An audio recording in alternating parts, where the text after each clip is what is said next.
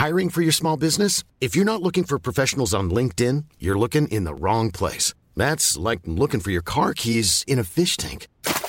LinkedIn helps you hire professionals you can't find anywhere else, even those who aren't actively searching for a new job but might be open to the perfect role. In a given month, over 70% of LinkedIn users don't even visit other leading job sites. So start looking in the right place. With LinkedIn, you can hire professionals like a professional. Post your free job on linkedin.com slash people today. Life is full of awesome what ifs, and some not so much, like unexpected medical costs. That's why United Healthcare provides Health Protector Guard fixed indemnity insurance plans to supplement your primary plan and help manage out of pocket costs. Learn more at uh1.com.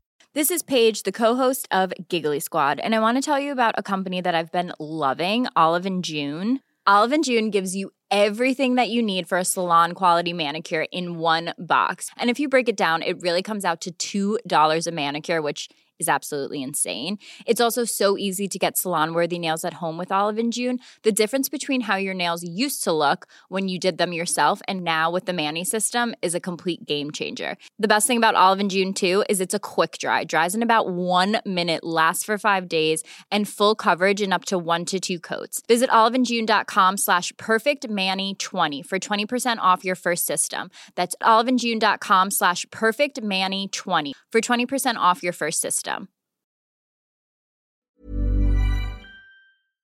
Vi är denna vecka sponsrade av Indie Beauty. Och Sofie, det här tycker jag är extra fint och extra roligt. Ja men Indie Beauty är ju ett skönhetsvarumärke som jag tror att väldigt många känner till, men det jag älskar mest det är att Indie Beauty liksom vill vara mer än bara produkter, vilket de ju också är. Exakt, Indie Beauty står ju för Independent Beauty, skönhet på dina villkor och för din egen skull. Och Indie Beauty tror ju stenhårt på ett alternativt skönhetsideal fritt från måsten, skam och känslor av otillräcklighet. Där är jag helt med Indie Beauty. Jag med. Det är så jag vill att skönhet ska vara. Ja men verkligen. Och vet du vad som är nytt för i år Sofie? Berätta. Från och med i år så skänker Indie Beauty 1% av sin försäljning till Suicide Zero, Tjejzonen och Djurens Rätt. Så när man handlar produkter från Indie Beauty så kan man liksom känna att man också ger tillbaka till samhället. Ja, kraften i tillsammans. Ska jag säga en sak nu då, Mm. som jag, det, men det är detta jag är extra glad över. Nu har Indie Beauty tagit fram en keps och den tycker jag ändå så på sommaren, skyddar sig från solen. Jättebra, jag älskar kepsen. Men det bästa, de bidrar till Suicide Zeros viktiga arbete för att minska antalet självmord och självmordsförsök. Så för varje såld keps så går hela vinsten, 100 kronor, direkt till Suicide Zero. Då kan man liksom göra nytta både för samhället och sin hud på en och samma gång. Ja, och kepsen kostar 169 men alltså hela vinsten går då som sagt till Suicide Zero. Så om man vill göra skillnad när man är där ute i solen, nu när den börjar titta fram, då ska man välja den här kepsen. Den säljs exklusivt på indiebeauty.se och på Apotea. Tillsammans kan vi skapa en ljusare framtid. Vi ses med kepsarna på! Tack Indie Beauty. Vi är sponsrade av Mindler och som ni säkert vet sedan tidigare så är vi ju ute på psykologresan tillsammans. Men hur vet man egentligen när det är dags att söka hjälp? Ibland uppstår saker i livet som kommer utmana oss och kännas tufft. Det mesta självläker vi oss igenom, för vi är menade att ta oss igenom en viss mängd påfrestningar. Men ibland behöver man professionell hjälp för att ta sig ur jobbiga perioder i livet. Men vart går då gränsen? Vad är en del av livets skavighet och när är det läge att söka hjälp? Det sägs till exempel att stress är farligt, men att det också kan vara bra. Alla sover dåligt ibland, så när har man egentligen sömnproblem? Ångesten kommer väl krypande för de flesta någon gång. Så när ska man se ångesten som outhärdlig? Hur vet jag? Med oss som psykolog har vi såklart min gamla psykolog Linnea Seidbrant. Men Linnea, vad är egentligen utmattningssyndrom? Utmattningssyndrom är en konsekvens av svår och långvarig stress utan möjlighet till återhämtning. Vi är ju då skapta för att klara av stress, men vi behöver också återhämtning. Om du utsätts för för mycket stress under en lång period utan att du får till den nödvändiga återhämtningen så kommer kroppen till slut att säga ifrån. Och det är faktiskt så att alla har en gräns. Du kan drabbas av en rad fysiska eller psykiska besvär som trötthet, sömnproblem, hjärtklappning, besvär från magen och tarmarna och mycket annat. Och det här är ju då varningssignaler och tecken på att du kan behöva göra någonting åt din situation. Annars så kan besvären utvecklas till att du mår så dåligt på sikt att du blir psykiskt och fysiskt utmattad. Ladda ner Mindler till din telefon och läs mer på mindler.se.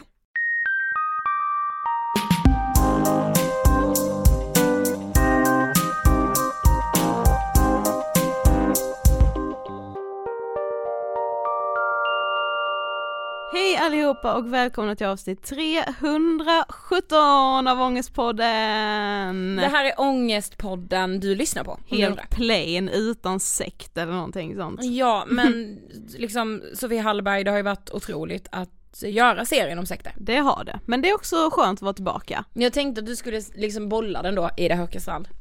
Jaha, vad känner du då? Jo, vi glömde ju en sak förra veckan, nämligen att du fyllde år. Ja! 28 härliga ja, år. då. Alltså, det är så sjukt när man tänker att jag kommer kunna lyssna tillbaka på alla mina 20 någonting. Ah! Alltså du vet, Ja, det är så, jag var ju för fan ett barn Ja. när vi startade den här podden. ja Alltså, det var, båda två. Ja, Mm, och samtidigt, igenom- alltså, ja man har gått igenom så mycket och växt så mycket på många sätt samtidigt som jag ju också är liksom precis samma person som jag var där Ja. för sex år sedan. Nej men va, alltså på riktigt, ja. ja. både och verkligen. Mm, mm. Men eh, ja, det var härligt att fylla år, det är det ju. En annan stor grej, Mm. alltså det här är en väldigt väldigt stor grej. Jag har slutat med antidepressiva.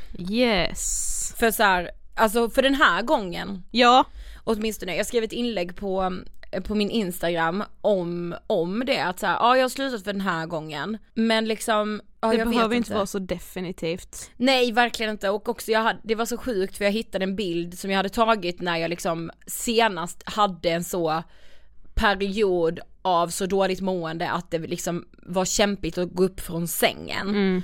Eh, och jag insåg att så här, shit vad jag har kommit långt. Mm. Eh, och jag pratade med mamma om det också, jag sa det, alltså jag, det mest avgörande är att jag fick GAD-diagnosen. Mm.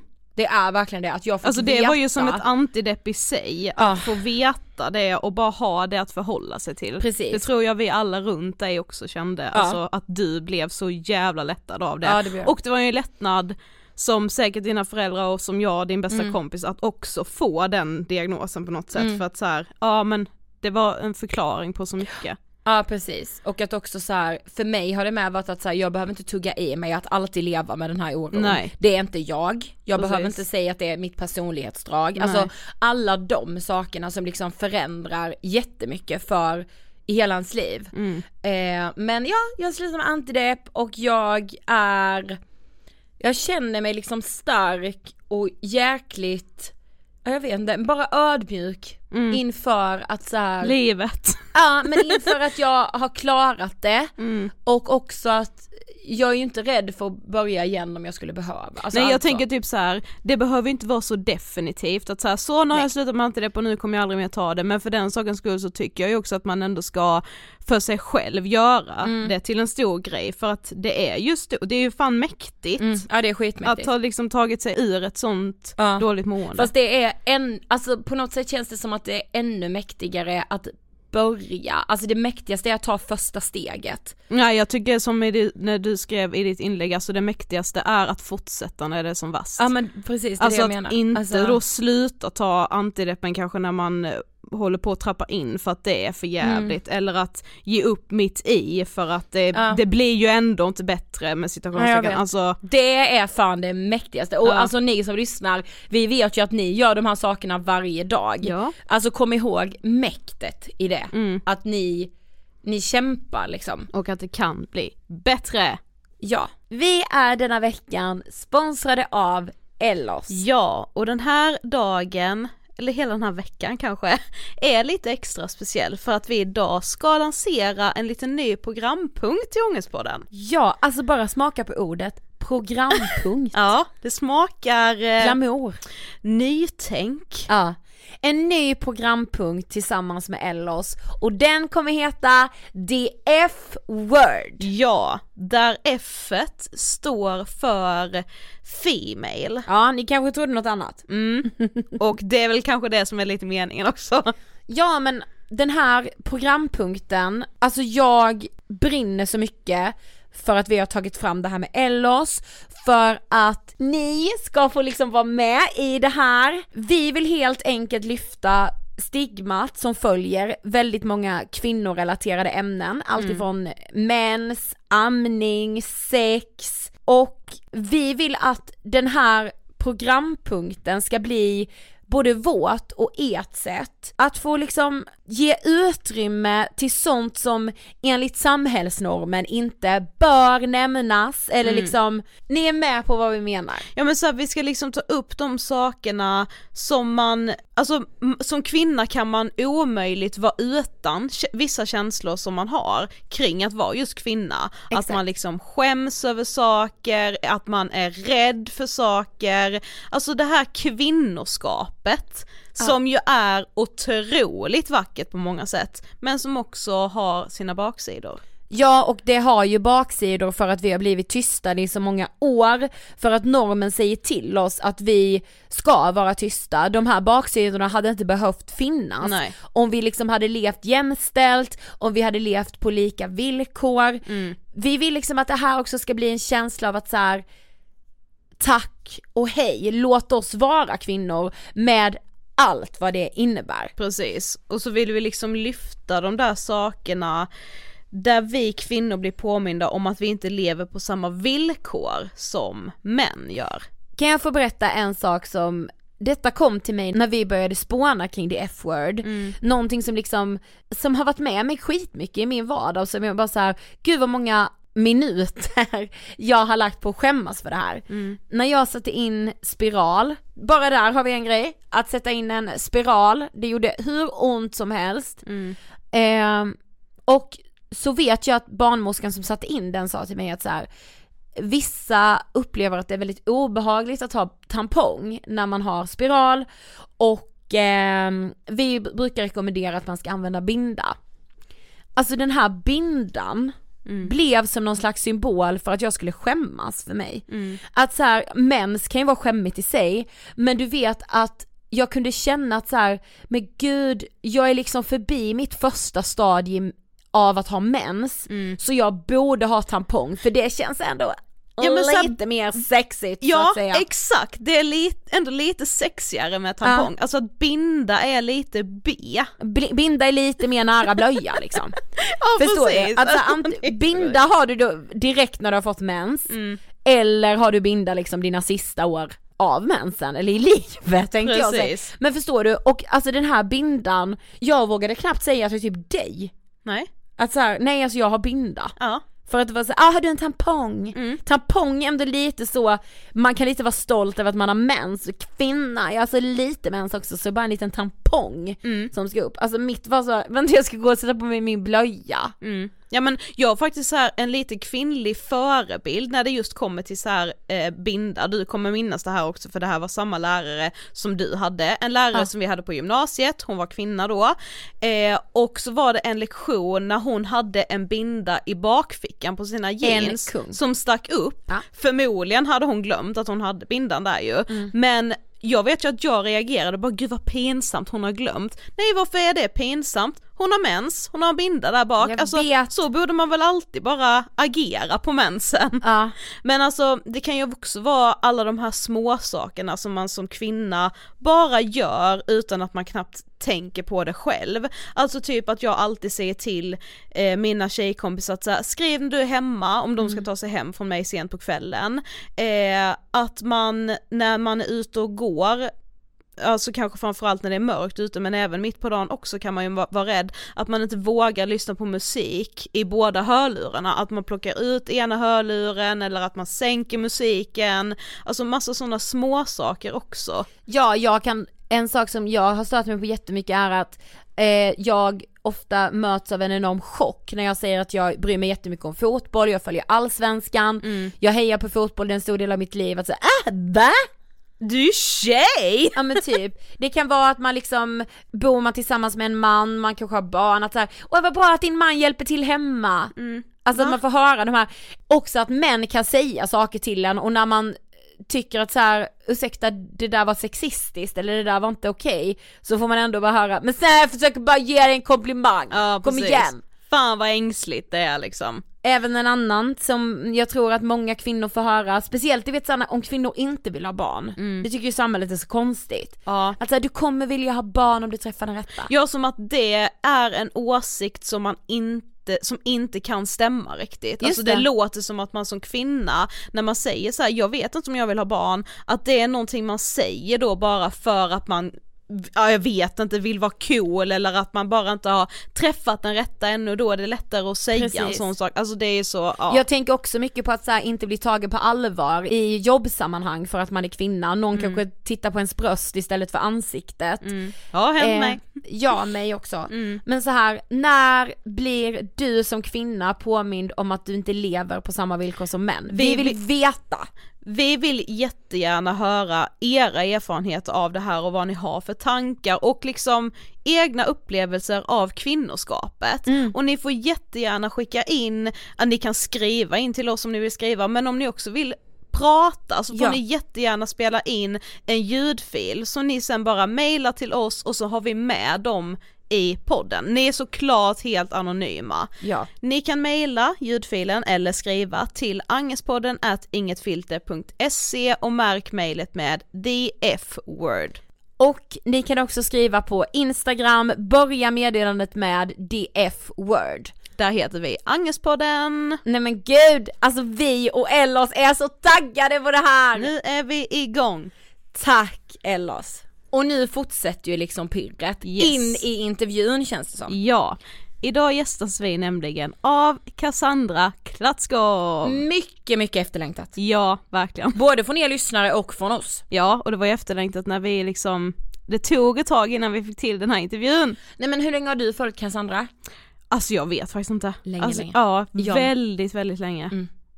Ja, vi, vi har pratat om henne mycket med. Mm. Vi har blivit så inspirerade. Och så här, jag började ju nog följa henne för att hon då kallade sig själv och kallades kroppsaktivist. Ja, Men jag har ju också följt hennes otroliga resa i att liksom landa i att inte vilja vara en kroppsaktivist och vad kroppsaktivism faktiskt handlar om.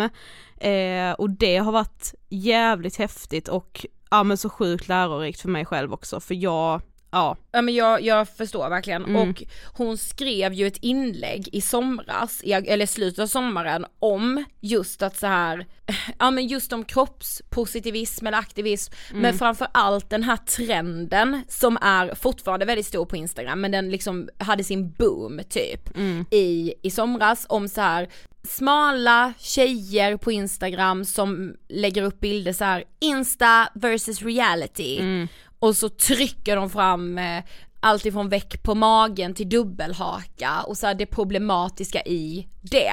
Det kommer ju det här avsnittet bland annat handla om. Ja, och sen kommer det också handla om att liksom vilja typ äga sin sexualitet hellre än att någon annan äger den och typ kallar en saker eller liksom placerar in en i ett fack som man kanske egentligen inte vill vara i. Vi rullar intervjun med Cassandra Klatskov. Varsågoda! Hej Cassandra, varmt välkommen till Ångestpodden.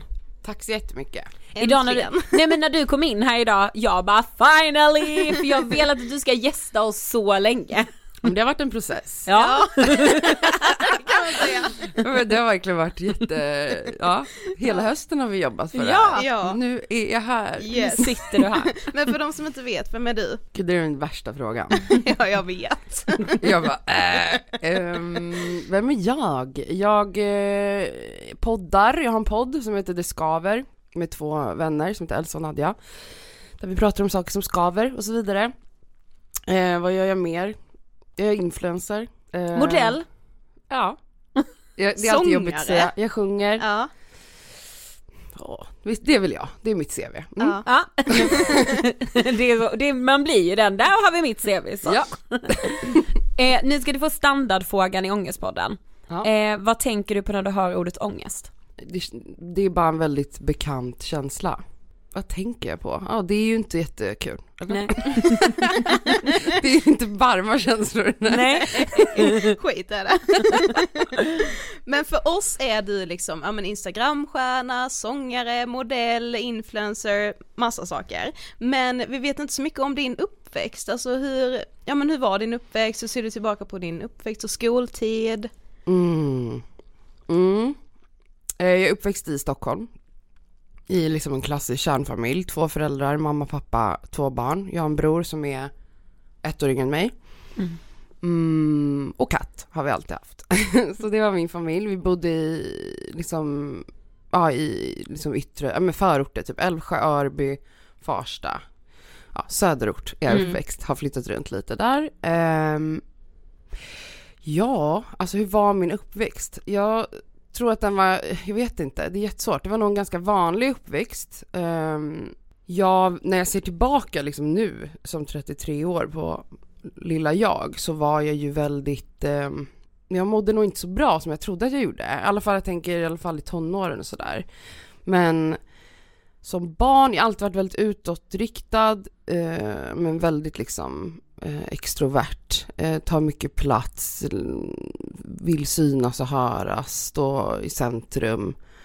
Väldigt dominant har jag varit sedan jag föddes. Eh, en ledare liksom som vill styra och ställa typ. Mm, alltid haft mycket vänner. Jag var typ en av de populära tjejerna i skolan. Mm. Ni vet de klassiska facken som Mm. Gud ja.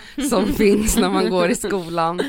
Eh, fast jag var liksom, jag pratade mycket med en av mina bästa vänner om det, eh, vi, vi har ju växt upp sida vid sida, att hon var ju också det, men vi, vi var lite sådär hora och madonnan. Alltså hon, hon var poppis, men liksom en, en tjej som alla killar ville fria till. Hon var så Mm. snälla fina tjejen, vacker och söt, hade inte för mycket smink, var ändå så här naturligt vacker. Medan Det jag, vidriga ordet flickvänsmaterial. Ja men exakt så, medan jag var så här, jag var en typisk kicker-tjej Ja. till utseende om ni vet vad Ja, det betyder. mm. Ja. Eh, jag rakade av mina ögonbryn när jag var 13, jag ritade då streck upp i pannan, jag hade mycket smink, Buffalo-skorna, du vet, jag såg väldigt hård ut, Mm. färgade håret svart. Ehm, men jag var inte så hård, alltså Nej. det var mer en look. Mm. Men ja, så att jag var liksom coola tjejen fast ändå eh, väldigt eh, utsatt. Det var ingen som ville bli ihop med mig om vi säger så, utan Nej. man ville Mm. göra andra grejer med mig. Mm. Ja. Men du har själv berättat i, i er podd Det skaver om att du utvecklades tidigt, fick din mens tidigt, fick kvinnliga former tidigt. Alltså hur kände du själv kring allt det, alltså där och då? Ehm, det jag minns, typ när jag fick min mens, då var jag nio. Då Mm. gick jag i trean. Jag minns att jag tyckte det var coolt. Mm. Alltså jag tror att jag, också att jag gillar typ att så här, vara först med allting. Det där har Ja. liksom ledit mig genom livet. Jag ska Mm. vara först på allt. Och då var det också så här perfekt, det passade min personlighet perfekt att Ja. vara först med mens. Så jag var väldigt så här. Ja allihopa, nu har jag fått mens. Och så skulle jag berätta för hela klassen liksom vad det är. Jag visade mina mensskydd för hela klassen. Och så sa jag till tjejerna så här, Wow, ändå! Ja men jag vet, och så, skulle, så sa jag till tjejerna så här, när ni får mens kan ni prata med mig så kan jag berätta om hur man gör. Nej det är så, jag önskar att någon hade varit så i Jag min klass. gömde typ min binda så här snabbt, ni vet man skulle ta den från väskan och så bara snabbt ner i fickan liksom för att ingen skulle Men det är som att jag typ någonstans fattade att det var skämmigt men Ja. jag störde mig på att, alltså jag störde mig på att det var det och då ju, gjorde jag tvärtom Ja. På något sätt. Det är Mm. så jag har tacklat livet alltid tror jag. Mm. Ehm, så att där och då var det ju inte jobbigt men att liksom vara tidigt utvecklad och vara ett barn, Mm. alltså så här, jag lekte med Barbie-dockor. Det var min största liksom passion, mitt. Barbiehus, mina Barbisar och att så här, samtidigt eh, bli uppraggad av killar som var 13 när jag var 10 Mm. som ville liksom hångla med mig. Mm, det är skevt alltså. Jag var nog väldigt, det var som att jag stod så med en fot i så här tonårslivet Ja. och en fot i barn, kvar i barnet liksom. Ja. Och att jag så här i många år lekte i smyg med, med mina Barbie-dockor för att det var så här. nu är jag ju nu förväntas jag vara stor för att äldre barn ville umgås med mig för att jag Ja. såg ut som dem. Mm. Eh, Jag var ju väldigt mycket liksom, jag var stor jämfört med mina klasskompisar. Jag var två huvuden längre än alla, killar och tjejer. Och jag var, ja men jag vet inte, jag var bara inte ett litet barn utseendemässigt som de var. Men jag var ju det egentligen. Ja precis. Mm. I ja. sinnet liksom. Mm. Så jag tror att jag tvingades så här in i en ungdomsvärld mycket tidigare än vad jag var redo för eh, mentalt egentligen. Mm. Mm. Men ville du ändå in i den här tonårsvärlden? Ja det var ju spännande och jag tror att det var mycket det här, alltså jag lärde mig snabbt eh, att gilla bekräftelsen i att andra var intresserade av mig. Mm. Inte bara liksom killarna ville ha mig utan att tjejer, äldre tjejer ville vara kompis med mig. Ah, Att liksom, det var ju ascoolt att de här två coolaste tjejerna, Mickan och Sissi i sexan ville vara, ville vara min vän liksom. Ja. Ehm, så då blev vi vänner, men det är så här, de var tre år äldre än mig. Mm. Det är ganska stor skillnad när man är 10 och 12 Ja. eller 13. Ja. Så här, det, den åldersskillnaden gör ju typ ingenting nu i vuxen ålder men där och då Ja. är ju liksom ett år är Ja. jättemycket för det Ja men man levde liksom så här med sin årskull på ett helt sjukt sätt ju. Alltså Ja. man liksom, Mm. om någon hade en kompis som bara var ett år äldre, man bara såhär oh my god. Ja. Det sjukaste var ju om man gick i sexan och var tillsammans med någon i sjuan. Exakt, Ja. det var ju världens grej. Det var ju så sjukt, alltså, Ja. Mm. ja.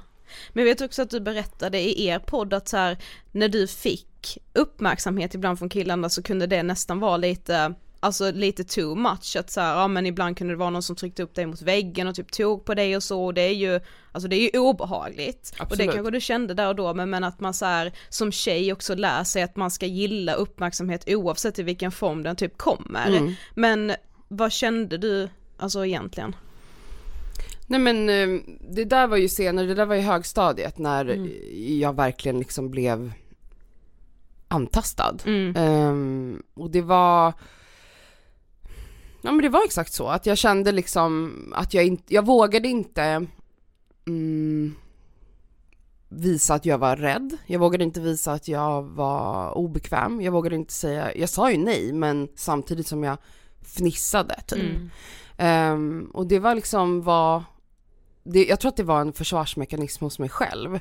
Att jag liksom lät aldrig mig själv gå in i att känna att någonting, alltså att någonting jag var med om var jobbigt. Mm. Så det där var typ för att rädda mig själv. Jag har verkligen analyserat det så här på senare dagar. Men också att, som du säger, att, att man, det är klart att man ville bli bekräftad. Man ville att killar skulle vilja ha en, men jag ville ju inte att killar skulle vilja ha mig på det sättet. Nej, alltså nej. ta mig liksom, alltså det här var liksom på riktigt att de höll, en höll fast mig och en annan stoppade ner handen innanför mina byxor, innanför mina trosor och tog på mig. Det är grovt alltså. I liksom Det är korridoren alltså. i skolan, i högstadieskolan. Ja. Och då folk går förbi, lärare och allt möjligt.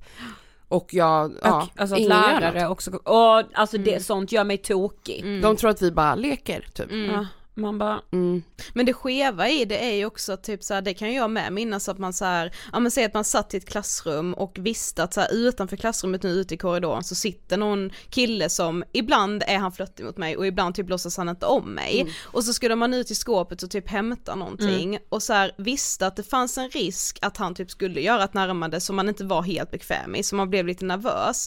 Men gjorde han ingenting, då tog man ju illa upp. Ja. För Ja, man bara såhär, "Ja, var jag ful idag eller vad? ja.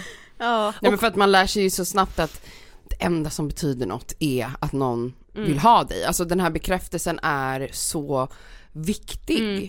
Och hellre då fel bekräftelse än ingen bekräftelse Ja, alls. gud ja. Och jag lärde mig ju snabbt som barn då att liksom mitt yttre och att jag eh, sexualiserades väldigt tidigt Ja. var min USP. Ja, Nej, men så här, ja. Att så här, killar ville ha mig på grund av det här, Mm. mitt yttre. Och då spelade jag väl med på det. Mm. Och jag gjorde mycket liksom men jag var väldigt så här outspoken även med sex. Jag började med mens och sen blev det sex Mm. i, i högstadiet så att jag var väldigt så mm, jag hade en pojkvän när jag var 13, det var min första pojkvän. Eh, och jag hade så här, jag gick i skola i ett område och bodde i ett annat område så jag hade liksom två liv.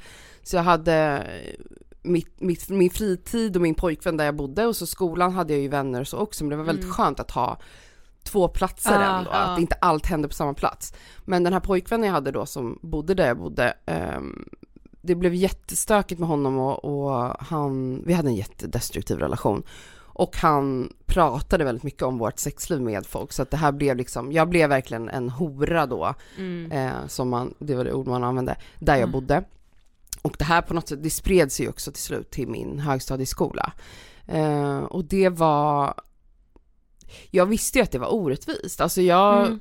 och inte, inte, det jag säger så här, folk får väl ha hur mycket sex de vill, men för mig var det verkligen så här, jag har också bara varit med min pojkvän och ändå kan det bli så här. Mm. Ja. Eh, att folk liksom börjar prata om mig på det här sättet och är hotfulla mot mig. Eller liksom utnyttjar mig. Ja. Ehm, så att jag valde liksom att tackla det, återigen liksom att vara typ superöppen med saker istället. Och det var mitt försvar, så då var jag en person som kunde vara så här. Mm.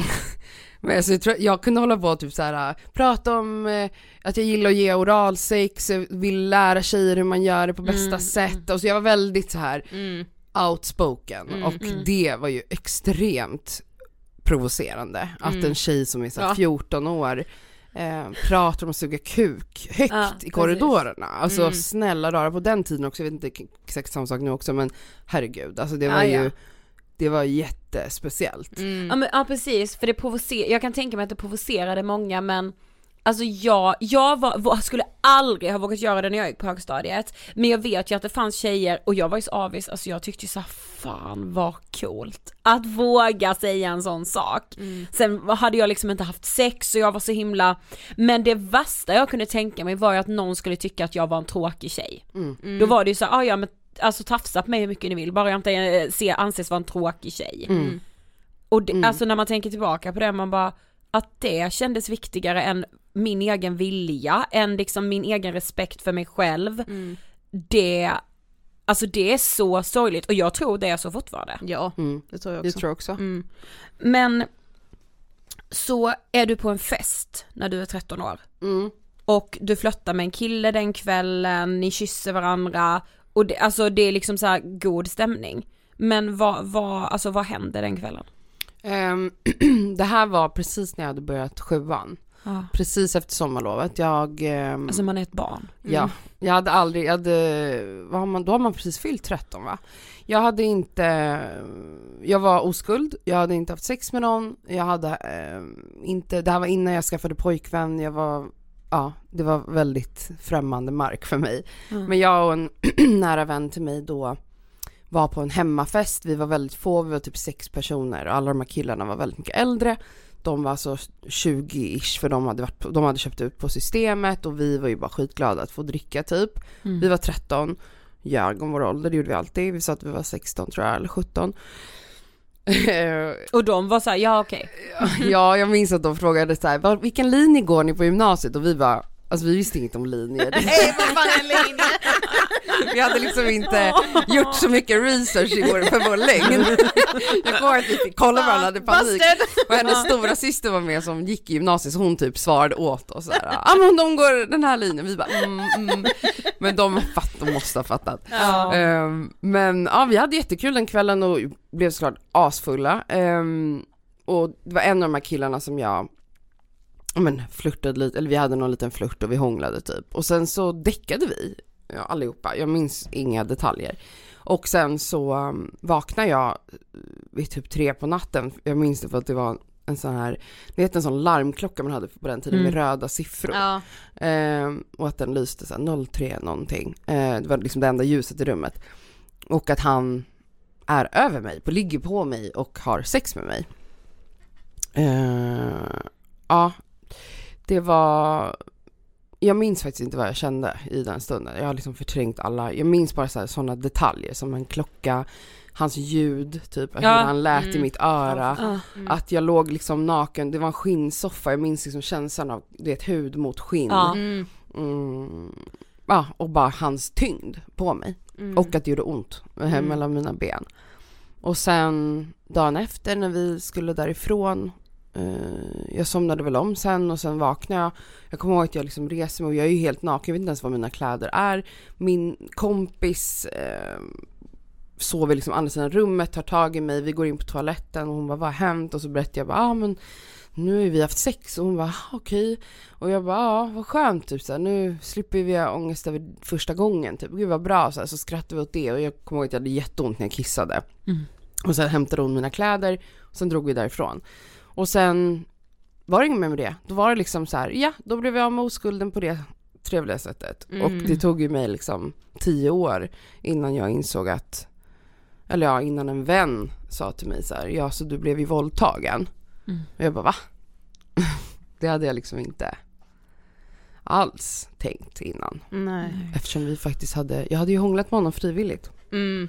Ja men tänk, alltså man är ett barn mm. Och så här, och som du sa du var oskuld, alltså att det blir så första kontakten med sex. Alltså det är så, det är så orättvist att man liksom bara, alltså jag blir helt, jag kan mm. börja gråta för att jag tycker att det är så Jo, att, att, tanken ens kommer till en och jag tror ju det här är tyvärr väldigt vanligt att man liksom så här, ja men jag, vi hånglade ju ändå på kvällen så jag gav väl ändå honom signalen av att jag typ också ville ligga. Ja men typ ja, att man är skyldig honom ja, det. Ja. Mm. Alltså det, det är, så, är så jävla Men också att den känslan kan följa med en så länge, alltså nu har jag ju pojkvän men så här, alltså hade jag varit singel nu jag vet ju att det hade kunnat hända mig nu, 27 år gammal, mm. att jag fortfarande, jag vet rent logiskt, men känslomässigt hade jag fortfarande kunnat känna, nej men gud nu tror han och nu är jag skyldig detta och ja. ja mm. att jag fortfarande liksom måste jobba med det. Mm. Det, ja. Men på något, alltså du förstod inte alls där och då att det liksom egentligen var fel? Det som har hänt? Nej, det, alltså det är så. Alltså det hade man ju, det hade inte jag fått lära mig. Alltså vi hade Nej, väl aldrig, det. vi hade aldrig pratat om samtycke. Men jag visste inte ens vad det var. Alltså Nej. så här, vadå samtycke? För mig var samtycke att, jag hade väl gett samtycke då när jag hånglade med honom under kvällen och var flörtig med honom. Mm. Um, nej, alltså och så här, jag var inte främmande för att ha sex, jag ville ha sex, jag var en sexuell person väldigt tidigt. Mm. Men um, Nej, alltså jag hade absolut inga tankar om att det kunde vara något fel som skedde där. Nej. Mer än att jag bara, det gjorde ont typ, men det ska det väl göra. Mm. Precis. Ja men det med sjukt när man är i den åldern, det var det enda jag hade hört om sex. Första gången ska det göra ont ja. och du kommer blöda. Mm. Och man bara så okej. Okay. Mm. Ja ingenting om så här, ja det kan vara viktigt att ha förspel och så att Nej. man känner sig redo liksom. Nej. Och då ska det kännas så här för då kommer det, göra, då kommer det inte göra ont liksom. Nej. Ja. Men alltså snälla aldrig, alltså det fanns inte på kartan att man Nej. pratade. Nej. Nej, Nej men jag tror så många kan känna igen sig i också den här att det tar sån tid, att man bara nej men jag har inte blivit våldtagen. Mm. Och så säger det och man bara va, aha, alltså och som du säger tio år senare. Mm. mm. Ja. Men du berättade också vidare i e-podd när vi lyssnade på den, eh, när du pratade om just det här med att du också liksom, ja men utåt var den här tjejen som verkligen ja men gillade att ha sex, pratade öppet och berättade om det liksom, kanske lite för att så här, äga situationen. Mm. För hellre det än att någon annan kommer och säger så ja ah, men shit varför gillar du sex så mycket? Alltså att man ligger steget före sina förövare på något sätt hela tiden. Mm. Men du berättade också att du liksom på något sätt gick in Hiring for your small business? If you're not looking for professionals on LinkedIn, you're looking in the wrong place. That's like looking for your car keys in a fish tank. LinkedIn helps you hire professionals you can't find anywhere else, even those who aren't actively searching for a new job but might be open to the perfect role. In a given month, over 70% of LinkedIn users don't even visit other leading job sites. So start looking in the right place. With LinkedIn, you can hire professionals like a professional. Post your free job on linkedin.com slash people today. Life is full of awesome what-ifs and some not so much, like unexpected medical costs. That's why United Healthcare provides Health Protector Guard fixed indemnity insurance plans to supplement your primary plan and help manage out-of-pocket costs. Learn more at uh1.com. Hey, it's Ryan Reynolds, and I'm here with Keith, co-star of my upcoming film, If, only in theaters May 17th. Do you want to tell people the big news?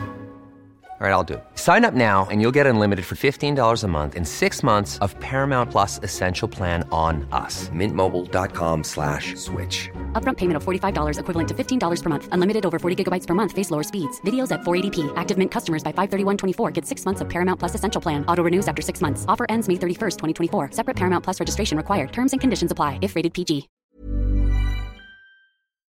I en roll som bara handlade om att inte vara sårbar. Mm. Alltså varför tror du att det blev så?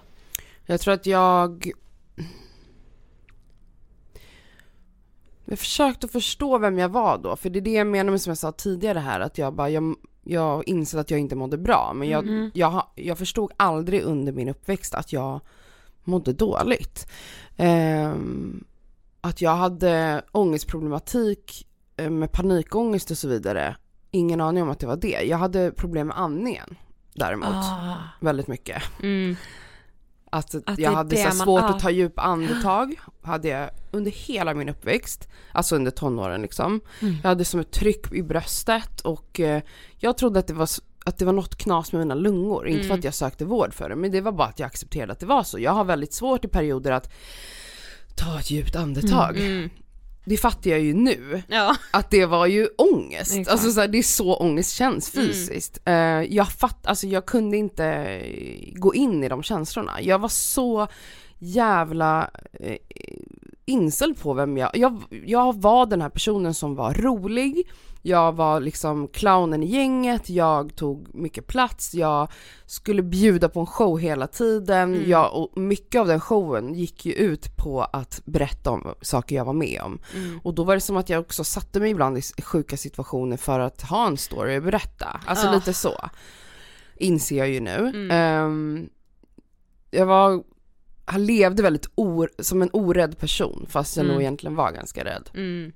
Ehm, och det, ja, det var liksom på mycket sätt så. Att Mm. jag ville inte vara sårbar. Jag minns vid något tillfälle, jag hade så här stort tjejgäng som jag hängde med, där jag fick veta på omvägar att de hade pratat om att eh, jag inte var lika rolig längre för att jag upplevdes som så jävla deppig.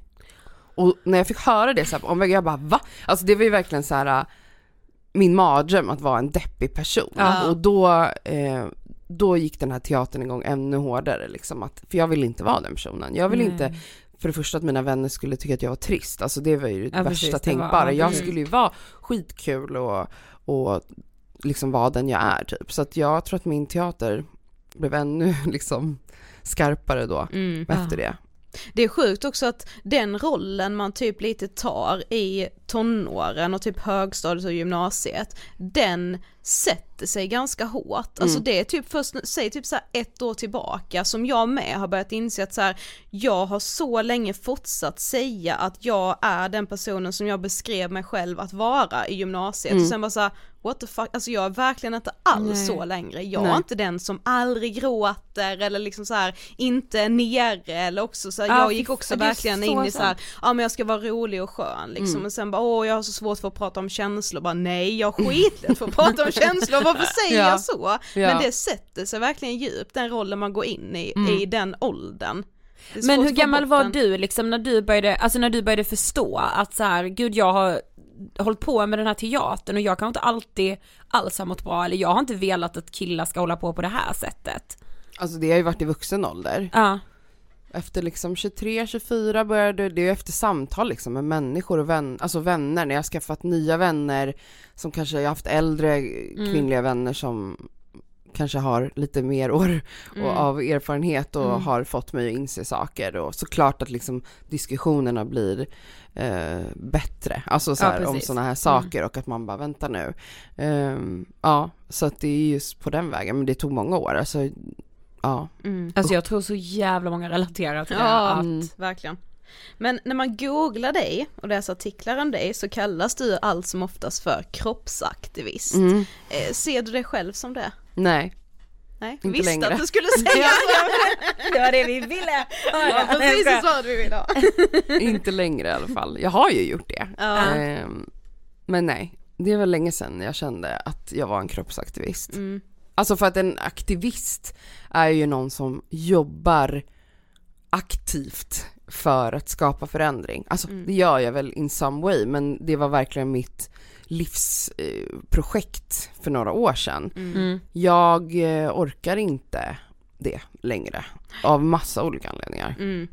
Men kan du känna så här att, alltså för att du liksom en gång har varit så ja men nu vill jag jobba med de här frågorna, så har folk svårt att acceptera att du inte gör det hela tiden? Ja, jag, jag har typ varit rädd snarare, typ mina följare som jag ju är väldigt beroende av för att det är Ja. min arbetsplats ändå, min Instagram, eh, att de inte vill acceptera att jag vill lämna det eh, och Mhm, vara mm. bara en vanlig person typ. Mm. Eh, Men sen skrev jag också ett inlägg om det för några månader sedan där jag typ gjorde slut med kroppsaktivismen. Eh, Jag vet inte om ni sett det. Jo. Men då, då var det jättemånga som bara, men gud, så här, vi följer dig av så många olika anledningar, Jo. bla bla. Och jag var så här, okej, men jag var, så, jag var så rädd för jag känt så himla länge att jag, du vet, pushade ut så här, material på min Instagram, typ fotade mig själv på ett visst sätt. Kanske inte ens för att jag ville, för att jag bara, det här genererar likes och det är bra att jag bara tänker liksom Mm, eh, engagement, reach, eh, Mhm. jobb för att det här, ja men ni fattar. Ja, ja, och, och så alltså. bara, men vill jag ens det här då? Nej. Exakt. Och det är mycket för att jag har känt att den här rörelsen liksom är så urvattnad. Jag känner att, att den aldrig, eller jag känner att den aldrig ens har eh, blivit seriös, i Nej. Sverige i alla fall. Mm. De här frågorna som, som kropps, alltså jag menar jag började själv också med så här, älska dig själv. Eh, Men ganska liksom efter en tid, efter några år var jag så här. Okej, men det är så himla sekundärt. Alltså så här, vad handlar egentligen den här rörelsen om? Vad, är, Mm. vad är grunden? Varför startades den? När jag liksom verkligen gick in i det och liksom började läsa statistik och, och siffror och förstå hur tjocka människor på riktigt liksom är en förtryckt grupp Exakt, i ja. vårt samhälle och på, i olika liksom former. Mm. Eh, så insåg jag att det här är ju vad det handlar om. Mm. Att älska dig själv, det är inte aktivism. Nej. Fy fan vad det är sant, Mm. alltså jag dör Mm. för det du säger nu. För, ja men ibland kan man också känna så att så här, ja men älska dig själv och man bara, ja. Varför? Alltså, så här, ja alltså lite så, sen också så här. Vad hjälper det tjocka människor om andra hatar dem? Alltså så här, Exakt. Mm. för att de är tjocka, alltså va, va? Exakt. Mm. Liksom.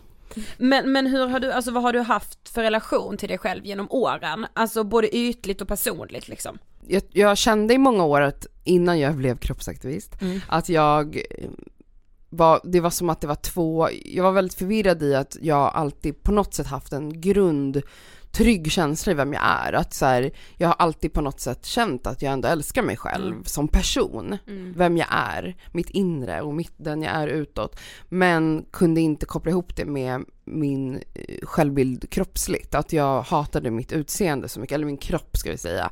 Eh, och att det blev jätteförvirrat för mig. Och det var också på så sätt jag ens startade hela min resa mot att typ bli vän med min kropp. Det var ju inte eh, från början en tanke att så här, nu ska jag göra en, ett Instagram-konto och, jag visste inte ens vad kroppsaktivism var. Jag hade aldrig Mm. ens hört det ordet. Eh, utan det här var bara så här eh, själv, själviskt. Att jag var så här, jag orkar inte må så här. Jag orkar Mm. inte känna så här för min kropp. Jag gör någonting jag behöver göra någonting för det och då pratade jag om det på min Instagram och insåg att okej jag inspirerade folk och sen på den vägen var det. Mm. Ehm, men jag har liksom alltid haft, ändå varit liksom en ganska, ja men kan man säga trygg? Alltså jag är otrygg Mm. på andra sätt men jo trygg. Trygg i liksom vem jag är, vad jag står för. Ehm, jag har aldrig känt, ja, jag, ja, jag har tyckt om mig själv Mm. mer eller mindre. Mm. Men i somras skrev du ett väldigt uppmärksammat Insta-inlägg om typ så trenden Insta vs reality och så var det en mening som var så jävla bra där du skrev så här om hur kroppsaktivism inte handlar om individens frigörelse från kroppskomplex. Mm. Alltså när du, när jag läste Ja, det jag bara alltså. fy fan vad sant. Men berätta. Nej men det är just det jag touchade vid här innan, att så här, kroppsaktivismen grundar sig, alltså handlar ju om att tjocka människor ska ha samma rättigheter i samhället som alla andra människor. Det gäller ju alla förtryckta grupper, eh, inte bara tjocka. Att så här, tjocka har, vi vet att tjocka har svårare att få jobb för att man har jättemycket fördomar om tjocka människor. Fördomarna om tjocka människor är att tjocka människor är lata, eh, dumma, alltså in, ganska ointelligenta. Eh, lika med då är man ju, ses man ju inte vara en person som kanske jobbar bra, som tar sitt jobb på allvar. Alltså det är, lat, det är en lathetsidé Det är om ingen så självdisciplin. typ. inte alls, Nej. inte alls. Alltså det enda en tjock vill är ju sitta hemma och slappa och Ja. äta. Det är det enda tjocka vill göra. Ja. Ehm, så det drabbar liksom tjocka människor i yrkeslivet, det drabbar absolut tjocka människor inom vården har man sett när man har gjort Ah. studier, man har inte gjort så mycket studier om det här i Sverige men i England och USA.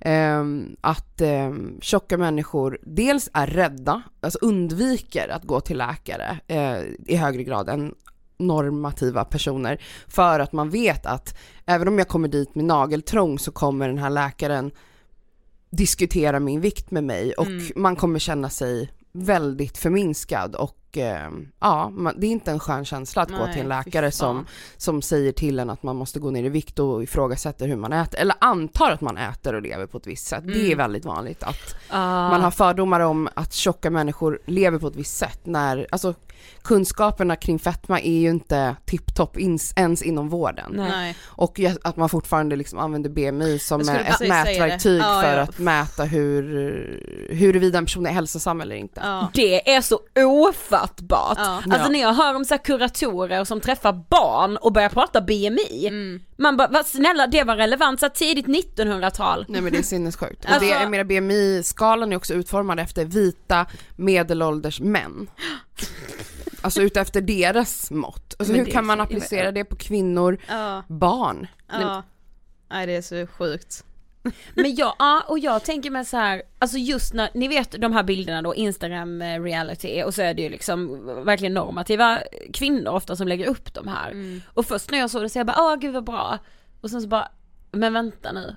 Det var ju för att jag, det där var min kropp. Men Mm. den där tjejen kan alltså på ett sätt se ut som liksom en Victoria's Secret modell. Mm. Men, och sen visar då de här vecken liksom. Och alltså det är så jävla sjukt kan jag tycka att se så här. jag, eh, jag är inte heller perfekt. Alltså bara att använda sådana ord, alltså Jag ni vet. vet så här, Alltså det man säger då är ju att eh, och när, man gör, när en person som är norm, ja vi säger en, man använder ordet straight sized Mm. inom engelskan eller amerikanskan. Aha. Det betyder att man, att man kan köpa kläder inom de vanliga storlekarna i butiker. Så Ah. allt ifrån liksom en XS till en XL basically, en straight sized person. Aha, ja. Ehm, då är man ändå inom normen, Ja. eller vad man ska säga. Sen mer eller mindre. Ehm, när en person som ser ut så, eh, tar en bild där man då jämför en bild där man såklart i en sorts poserande ser något smalare ut än vad de gör, eller mer smickrande enligt de ideal som finns, typ skapar en tydligare markerad midja, Mm. putar ut rumpan eller vad man nu gör. Ja. Eh, och sen tar en bild där man inte förställer sin position utan man bara är, man sitter och så blir det ett litet veck på magen Mm. eller vad det nu är som händer med den här personens kropp. Då visar man ju, när man då säger det här som du säger, Mm. jag är inte heller perfekt, Ja. att det här inte är det. Alltså att Exakt. det här magen som syns då, som inte är platt, är någonting negativt. Mm. Men det Eh, är okej. även om de menar, försöker säga att det är okej, så blir alltså det blir, jag Precis. tycker att budskapet blir så, vad säger man, kontraproduktivt. Alltså det går Ja. emot, Exakt, alltså ja. det är helt Det idiotiskt. går ju verkligen emot hela den här du är fin som du är, även fast det är det texterna under bilderna ofta säger. Exakt. Så blir det helt fel, för man bara, fast det är ju fortfarande en bild som är bra där och en som är dålig. Och då menar jag så här. jag vill än en gång förtydliga som jag, folk verkligen missförstod av Mm. min post som jag skrev, folk, folk blev jävligt arga, eh, var att, eller jag vill bara säga att så här, jag fattar, precis som du säger att när du ser en person som ser ut som dig Mm. så känner du så här, men gud vad skönt, där är någon som, det är klart att det är skitbra, vi ska se alla sorters kroppar och kroppar, eh, jag säger inte att bara tjocka kroppar ska visa sig nakna Nej. på Instagram och att resten ska låta bli. Jag har bara svårt med just den här, den här collage-idén. Mm. Jag menar mer så här, kan man inte eh, ta, alltså tänk på hur du fotar dig själv alltid. Alltså det är klart att man ibland får ta en jätteposig bild men om du liksom blandar upp ditt flöde med bilder som också är oförställda där du Ja. liksom är bara du i en helt naturlig position utan att ens kommentera det. Där tror jag att vi gör skillnad på riktigt. Hundra procent. Och jag sa inte heller, ni får inte lägga ut det här. Det är klart ni får göra det, jag är ingen jävla polis, det är inte som att jag stoppar er. Men jag ville bara, jag ville bara säga typ, tänk på vilken alltså aktivism som ni rider på. Alltså det, för det är det ni gör Ja, när ni mm, gör det här. precis. Alltså för de gör karriär. Jag, bara i Sverige vet flera liksom stora influencers Ja. som har börjat med det här som har blivit har växt enormt senaste tiden för Ja. att de har börjat med den här typen av bilder. Mm. Och det är verkligen den, alltså de, det är löjliga bilder, alltså de har Ja. ett par tights, typ träningstights på ena bilden och posar och nästa bild då har de dragit ner tightsen Ja. under magen Ja. och pressar magen och trycker fram en dubbelhaka. Jag vet. och bara, så här kan man också se ut, man bara fast när ser du ut så? Ja, alltså, du, du kommer aldrig se ut så, du Nej, har ju för, alltså, med våld trängt, trängt fram den här magen och den här hals, halssituationen. Eh, situationen. alltså jag har alltid en dubbelhaka. Exakt. Precis, ja och man är så här, gud man vill inte tappa, alltså det är så farligt om det ska handla om att så här, åh jag kan liksom pressa fram den här magen och inte om så här, men vänta, tjocka är förtryckta. Det, alltså man får sämre jobb för att man är tjock. Det får liksom inte sluta handla om det. Nej. Sen är det så här, ja alltså man kan vara hur normativ som helst och hata sin kropp, det är ju liksom, det vet alla. Men det är så farligt tror jag, men som du säger, att så här, varför bara inte lägga ut en bild, här är jag. Mm. När man bara är helt avslappnad, måste man jämföra det med alltså det men också bara så här, konstigt. eller gör din grej men jag tror att jag bara ville så här uppmärksamma de här personerna på att det finns ett större problem som ligger till grunden för att ni ens sitter och gör det här och varför det här ens kan flyga liksom. Varför ni ens exakt. får så många likes. Och det är på grund av det här förtrycket och då vill jag liksom att folk ska veta att tjocka, alltså om, innan tjocka har eh, frigjorts från mycket av det förtryck tjocka utsätts för Mm.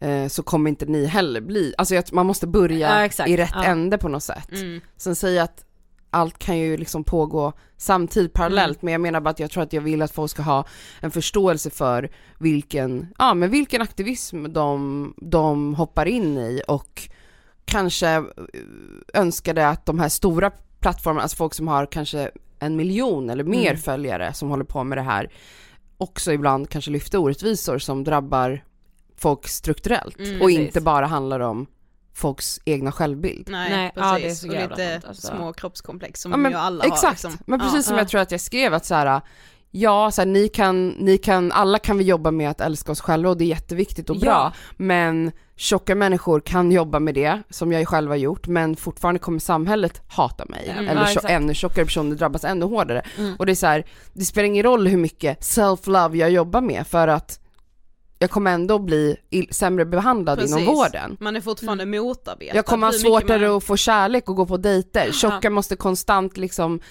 Ska jag visa att jag är tjock på Tinder eh, eller inte i bilden? Alltså det är en struggle Exakt. alltså, Mm. det är inte lätt. Nej. Nej, Och precis, och det är det, alltså det är ju så jävla viktigt att det är det som får stå i fokus. Mm. Och inte att säga jag är också, jag är inte heller perfekt. Bara, men, Nej. Nej. men, men något som ni har pratat en del om i er podd och som vi kan känna igen oss i så jävla mycket. Det är just det här med att Ja men man vet intellektuellt vad som gäller kring ens kropp, man är så här, jag är fin jag är, alltså man, man, man vet det. Men hur hårt man än vet det så, så hänger liksom inte känslan med kring det. Eh, man, alltså, det är så jävla sjukt men man kan ju känna så här, ja jag vet att jag är fin men det känner inte jag för fem jävla öre. Mm. Liksom. Alltså hur tänker du kring det? Hur fan hanterar man det liksom? Nej, men det är ju ett jätte, det är ett stort arbete att jobba Mm. med eh, sin självbild ju. Alltså det gäller ju inte bara ens utseende för de flesta. Nej, det gäller nej, ju typ precis. allt, alltså Ja. prestationer, yrkesliv, alltså så här. Folk, alltså hela samhället bygger ju på att vi ska hata oss själva. Ja, det är kapitalismen styrs av det, eller det är det kapitalismen går runt på. Mm. Eh, och om vi, ja, så det är klart att om vi är helt indoktrinerade från jättetidig ålder att så här, du duger inte som du är och du kan alltid bli bättre.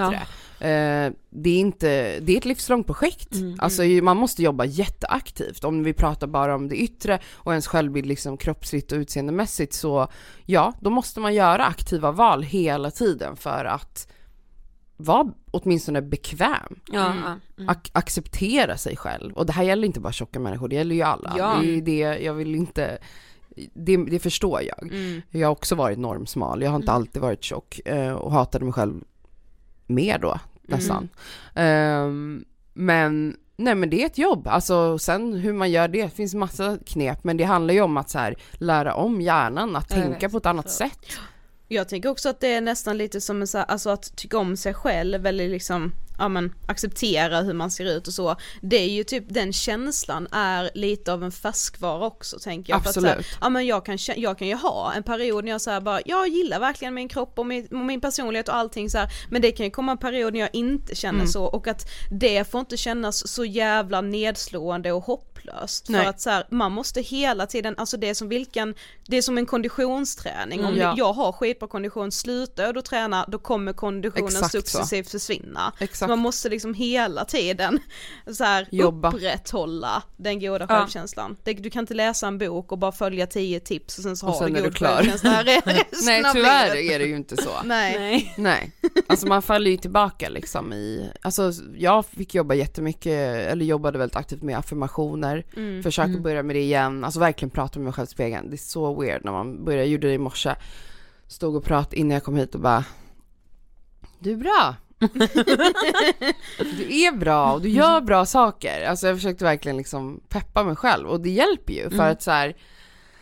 det känns löjligt kanske i stunden men eftersom vi konstant har en, en röst, jag brukar se det som att jag har olika personer Mm. i mitt huvud och en av rösterna är ju väldigt elak mot mig Exakt. hela tiden. Alltså den är ju väldigt kraftfull den här personen. Mm. Eh, som bara håller på och så jävla taskig mot mig hela tiden och jag lyssnar på den rösten väldigt ofta. Mm. Och då behöver ju jag komma in med en annan kraft som liksom tar över den Ja, rösten och då blir det ännu tydligare när man gör det ver- alltså öppet, högt, verbalt, alltså Mm. pratar. Ehm, överröstar den Ja, där rösten vet, helt enkelt. alltså- Så jobbar jag, eller försöker jobba. Men jag glömde, det är som du säger, jag är inte det i perioder Ja, ja, men jag blir triggad av massa saker. Alltså så här, följa, jag hade en lång tid där jag inte följde en enda person som var typ smal. Mm. Eh, klarade inte av det. Jag kunde inte följa folk som tränar, jag kunde, det var massa grejer, jag bara tog bort allting. Men nu har jag inte varit lika känslig liksom för, Nej. för det och då har det varit lugnt för mig. Men sen märker jag att jag kommer in i perioder när jag bara, gud vad smala alla är, gud vad alla ser ut på ett och samma sätt och så bara, alltså. du vet, blir man helt knäpp Mm. igen liksom. Mm. Men då måste jag bara tillbaka till Mm. ja, mina sparade mappar med kroppar som ser ut som mig och så vidare. Ja. Men skulle du säga att man måste älska sin kropp? Nej, absolut inte. Jättebra också. Jag tycker Mm, det är, jag, jag har sagt det tidigare, tar Mm. tillbaka det. eh, eller måste, men jag har verkligen pushat för att göra det. Mm. Eh, det hjälpte mig att tro att jag älskade min kropp. Det var liksom men för mig har det varit jätte, det har varit en sån lång, jag började med att målet var att älska min kropp.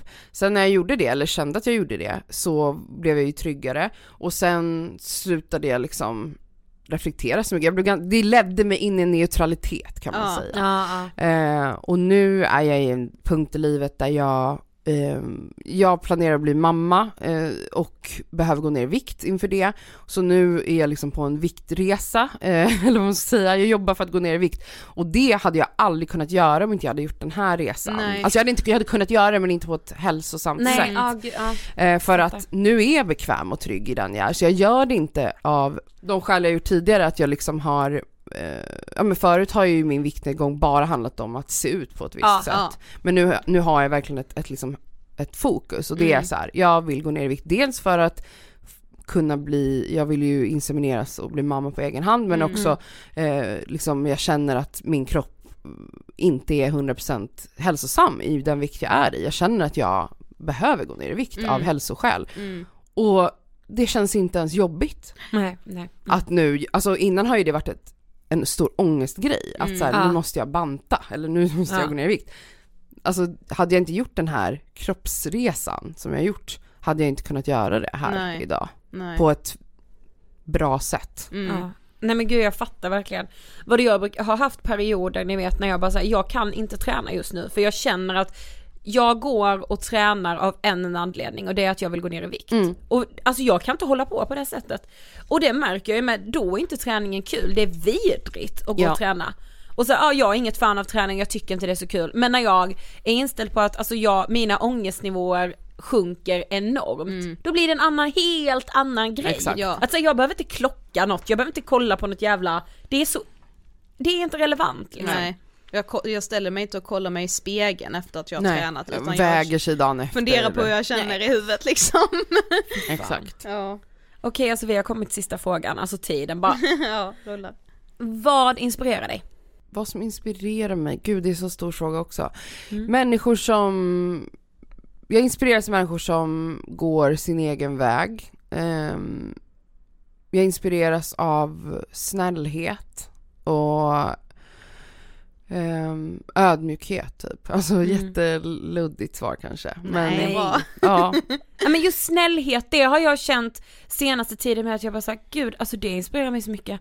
Jag vill vara så snäll.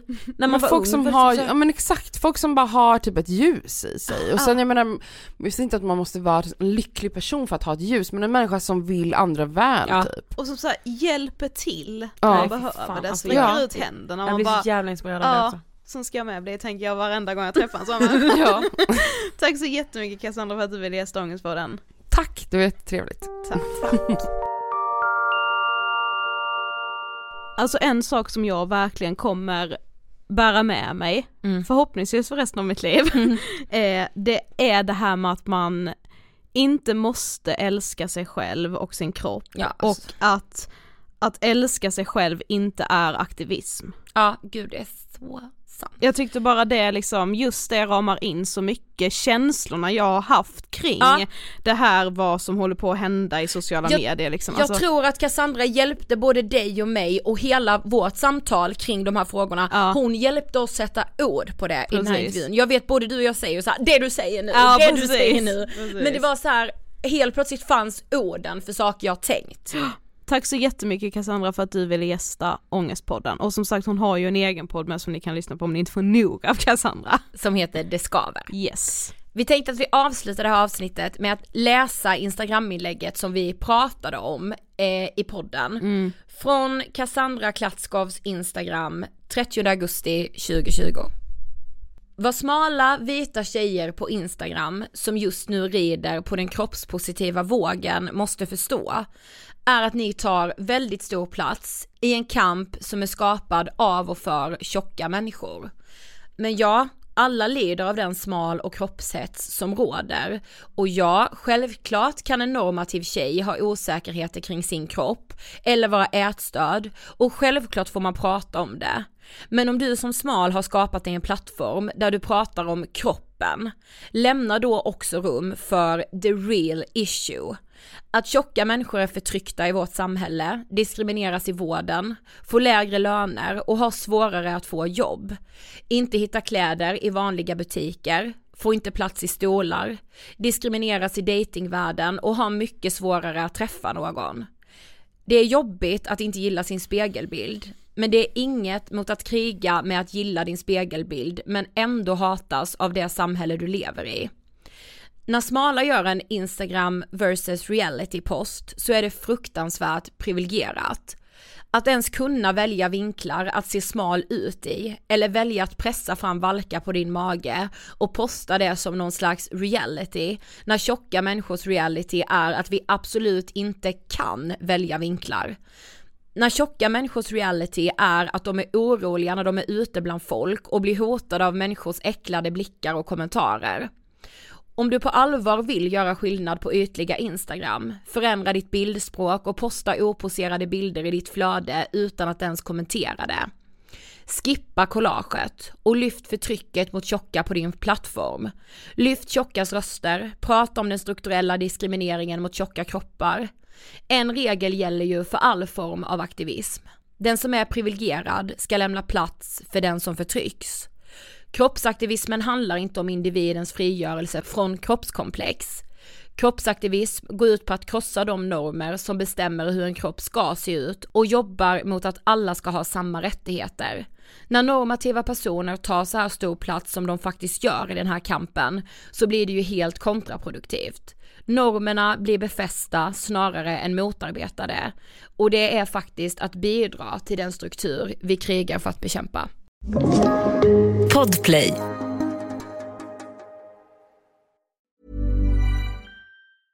Okay, I have two new obsessions that I need to share with you. Impress No Glue Press On Manis and Impress Press On Falsies Lashes. Trust me, these are getting ready game changers. Both require no glue, so there is no damage to your natural nails and lashes, no mess, and no annoying dry times. Just one step and you're done. Boom. Instant glam. Visit impressbeauty.com slash presson and use code PRESSON25 at checkout for 25% off Impress Manicure and Press-On Falsies. Planning for your next trip? Elevate your travel style with Quince. Quince has all the jet setting essentials you'll want for your next getaway, like European linen, premium luggage options, buttery soft Italian leather bags, and so much more. And is all priced at 50 to 80% less than similar brands. Plus, Quince only works with factories that use safe and ethical manufacturing practices. Pack your bags with high-quality essentials you'll be wearing for vacations to come with Quince. Go to quince.com slash pack for free shipping and 365-day returns.